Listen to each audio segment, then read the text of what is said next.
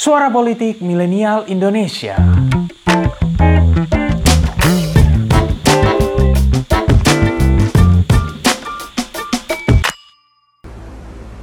동양인을 모욕한 대가 곧 치르게 될 거야. 이 미개한 새끼야.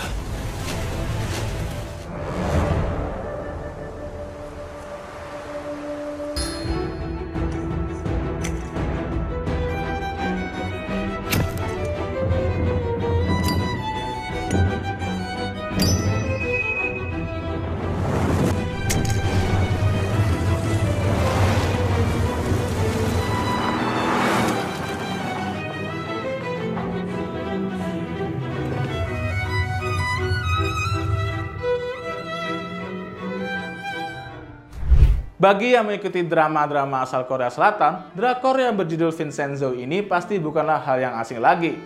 Yap, series Korea yang dibintangi Sung Joong Ki ini lagi rame-ramenya lo dibahas oleh para netizen. Mungkin nih, para netizen pada bisa relate ke jalan cerita Vincenzo Casano ini. Nah, gimana enggak? Banyak loh hal-hal yang terjadi di dunia nyata juga digambarkan di series ini. Soal orang-orang pemerintah yang korup misalnya, Vincenzo juga dihadapkan oleh mereka loh 내가 착한 돈 냄새는 잘 못 맡아도 이 더러운 돈 냄새는 음 너무 잘 맡아서 Hmm, terdengar familiar nggak ya kalau buat masyarakat Indonesia? Ya, terlepas dari familiar atau enggaknya nih, Vincenzo tetaplah memiliki keunikan tersendiri bila dibandingkan dengan drakor-drakor lainnya. Series ini nih dimulai dengan latar belakang kisah yang mirip-mirip dengan film-film bertemakan crime ala The Godfather atau The Godfellas, yakni soal mafioso-mafioso tuh. Nah, ceritanya tuh si Vincenzo ini diadopsi sejak usia 8 tahun dan dibesarkan oleh keluarga mafia yang bernama Casano. Bisa dibilang tuh Vincenzo justru menjadi salah satu anak yang paling bright di keluarga mafia tersebut. Tapi takdir mengatakan berbeda. Sang ayah angkat Don Fabio meninggal dunia Alhasil nggak ada yang bisa melindungi si Vincenzo ini. Apalagi saudara angkatnya sendiri menjadi penerus Don Fabio malah memburu Vincenzo dan hendak membunuhnya. Vincenzo yang nggak punya pilihan lain akhirnya kabur tuh dari negara Eropa satu ini. Negara asalnya Korea Selatan pun menjadi jawabannya. Nah, dari sini nih petualangan Vincenzo di Korsel dimulai. Hmm, tapi nih, Mimin bertanya-tanya nih, kenapa ya Vincenzo harus kabur ke luar negeri? Kenapa nggak menetap di Italia terus ganti nama atau identitasnya? Apakah kelompok mafia Casano ini begitu kuat? Ini nih yang menarik untuk kita bahas. Soalnya nggak hanya di series Vincenzo, kelompok-kelompok mafia di Italia sebenarnya memiliki sejarah yang panjang loh. Kira-kira sebesar apa sih kekuatan dan pengaruh para mafia ini? Apakah mereka bisa mempengaruhi dinamika politik sebuah negara? This is Alvin Pinpol, eh, wait, wait, wait. Buat kalian yang ngikutin Pinter Politik, pasti tahu kan kalau kita punya banyak koleksi artikel di website kita.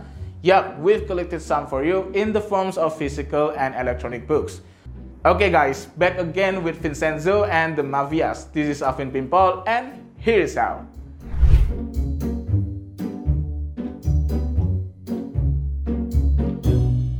Seperti yang udah diceritain tadi, Vincenzo ini besar di keluarga mafia yang ada di Italia.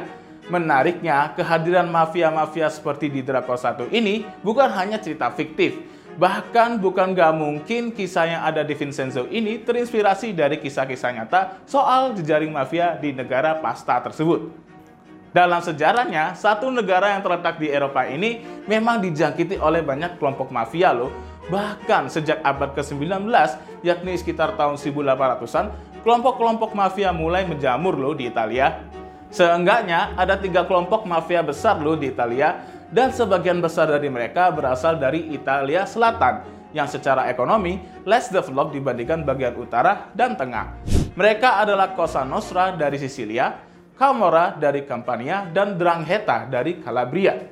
Uniknya nih, kelompok-kelompok mafia seperti ini punya pengaruh yang besar loh. Bahkan pejabat-pejabat negara di Italia disebut juga memiliki ikatan dengan kelompok-kelompok misterius ini. Salah satunya adalah Giulio Andreotti. Signor Andriotti ini merupakan mantan Perdana Menteri Italia yang menjabat tahun 72 hingga tahun 92. Nah, sebagai salah satu PM yang menjabat paling lama di Italia, tentu dong si Andriotti ini punya backingan. Yap, salah satunya yang disebut-sebut jadi backingannya adalah kelompok mafia Sisilia atau yang dikenal sebagai Cosa Nostra. Ceritanya nih, Signor Andriotti punya rekannya bernama Salvatore Lima Signor 5 ini jago loh mengontrol suara pemilu sehingga bisa menguntungkan buat para politisi. Nah, ikatan Andriotti ke Cosa Nostra inilah yang akhirnya mengantarkan dia ke salah satu pengadilan mafia terbesar pada tahun 90-an. Pak PM ini dituding telah melindungi kepentingan-kepentingan kriminal para mafia di kelompok tersebut. Wah, ternyata ikatan pejabat korup dengan kelompok-kelompok kriminal seperti ini nggak hanya di film aja loh, di dunia nyata hal-hal seperti ini tampaknya juga eksis tuh ternyata. Oh iya, gak hanya Cosa Nostra, sejumlah kelompok mafia Italia lainnya juga biasa menyuap para politisi lokal buat menguasai roda-roda perekonomian. Salah satunya adalah Camorra yang biasa menyuap politisi dan aparat lokal agar bisa menjalankan bisnis yang menciptakan polusi air di Naples pada tahun 90-an hingga tahun 2000-an. Berbagai persengkongkolan ala mafia pemerintah inilah yang mungkin menjadi alasan Alexander Valterovich Litvinenko memunculkan sebuah istilah menarik, yakni mafia state atau negara mafia. Konsep ini pun akhirnya dijelaskan lebih lanjut oleh Moises Naim dalam banyak tulisannya soal kejahatan transnasional. Istilah ini juga merujuk pada pemerintahan sebuah negara yang pejabat hingga aparat penegak hukumnya memiliki ikatan dengan kelompok-kelompok kriminal mafia. Uniknya lagi, fenomena mafia state di Italia ini sifatnya bisa transnasional juga loh. Soalnya banyak loh emigran Sisilia yang ternyata juga jadi mafia di negara lain. Siapa yang gak kenal dengan Al Capone? Al Capone ini adalah tokoh mafia yang terkenal di Amerika pada tahun 30-an. Dia menjadi pendiri dan pemimpin sebuah geng besar yang bernama Chicago Outfit. Eits, tentu bukan outfit yang biasanya ditanyain harganya ya. Tapi nih, kenapa sih Al Capone ini bisa punya pengaruh yang luas meskipun dia sebenarnya seorang kriminal? Ada yang bilang kalau Chicago Outfit ini punya kontrol atas suara pemilu, khususnya di komunitas Italia Amerika. Nama organisasi tersebut adalah Union Siciliana yang kabarnya pemimpinnya merupakan boneka dari mafia-mafia Italia di Chicago. Alhasil ada beberapa politisi yang disebut-sebut menang karena afiliasi mereka ke Al Capone. Beberapa di antaranya adalah wali kota Chicago William Hill Thompson yang disebut menerima sumbangan kampanye dari Al Capone. Politikus Republik yang dijuluki Big Bill ini menjabat pada tahun 1915 hingga tahun 1931 Inilah mungkin kenapa Ney menjelaskan bahwa organisasi-organisasi kejahatan alam mafia ini malah mendapatkan perlindungan dari pemerintah dan politisi lokal. Misal nih, organisasi-organisasi ini dapat lebih mudah mengurus perizinan dan dokumen lainnya untuk menjalankan bisnis mereka. Ya, memang sih namanya dunia kriminal ala mafia pasti penuh dengan aksi tawar-menawar agar bisnis mereka bisa berjalan.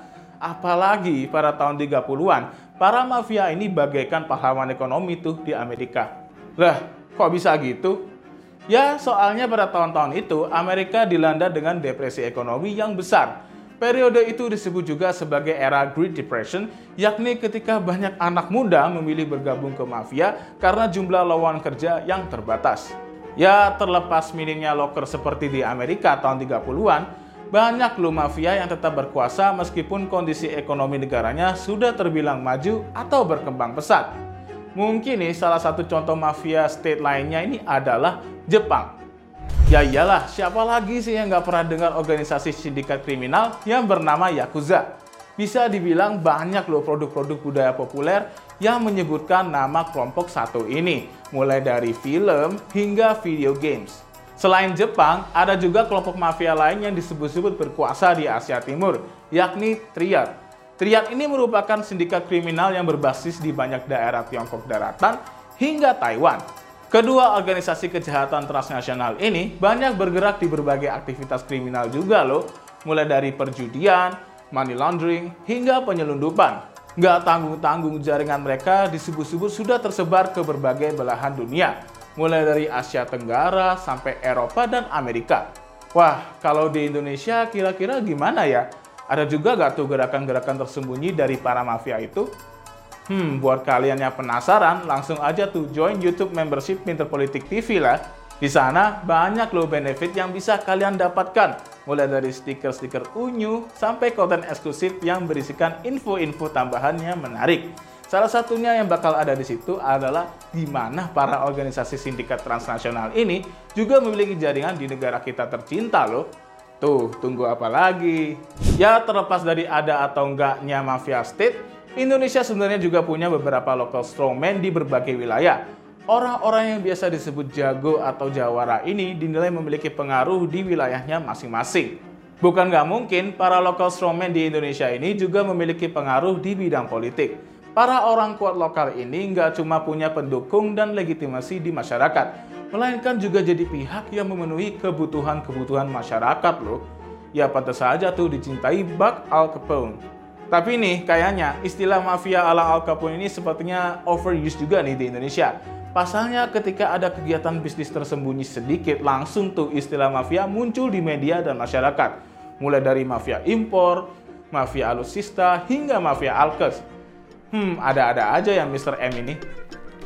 Terima kasih telah mendengarkan episode kali ini. Nantikan episode-episode selanjutnya dan jangan lupa untuk kunjungi pinterpolitik.com untuk dapatkan informasi seputar fenomena politik di Indonesia. See you next time and bye-bye.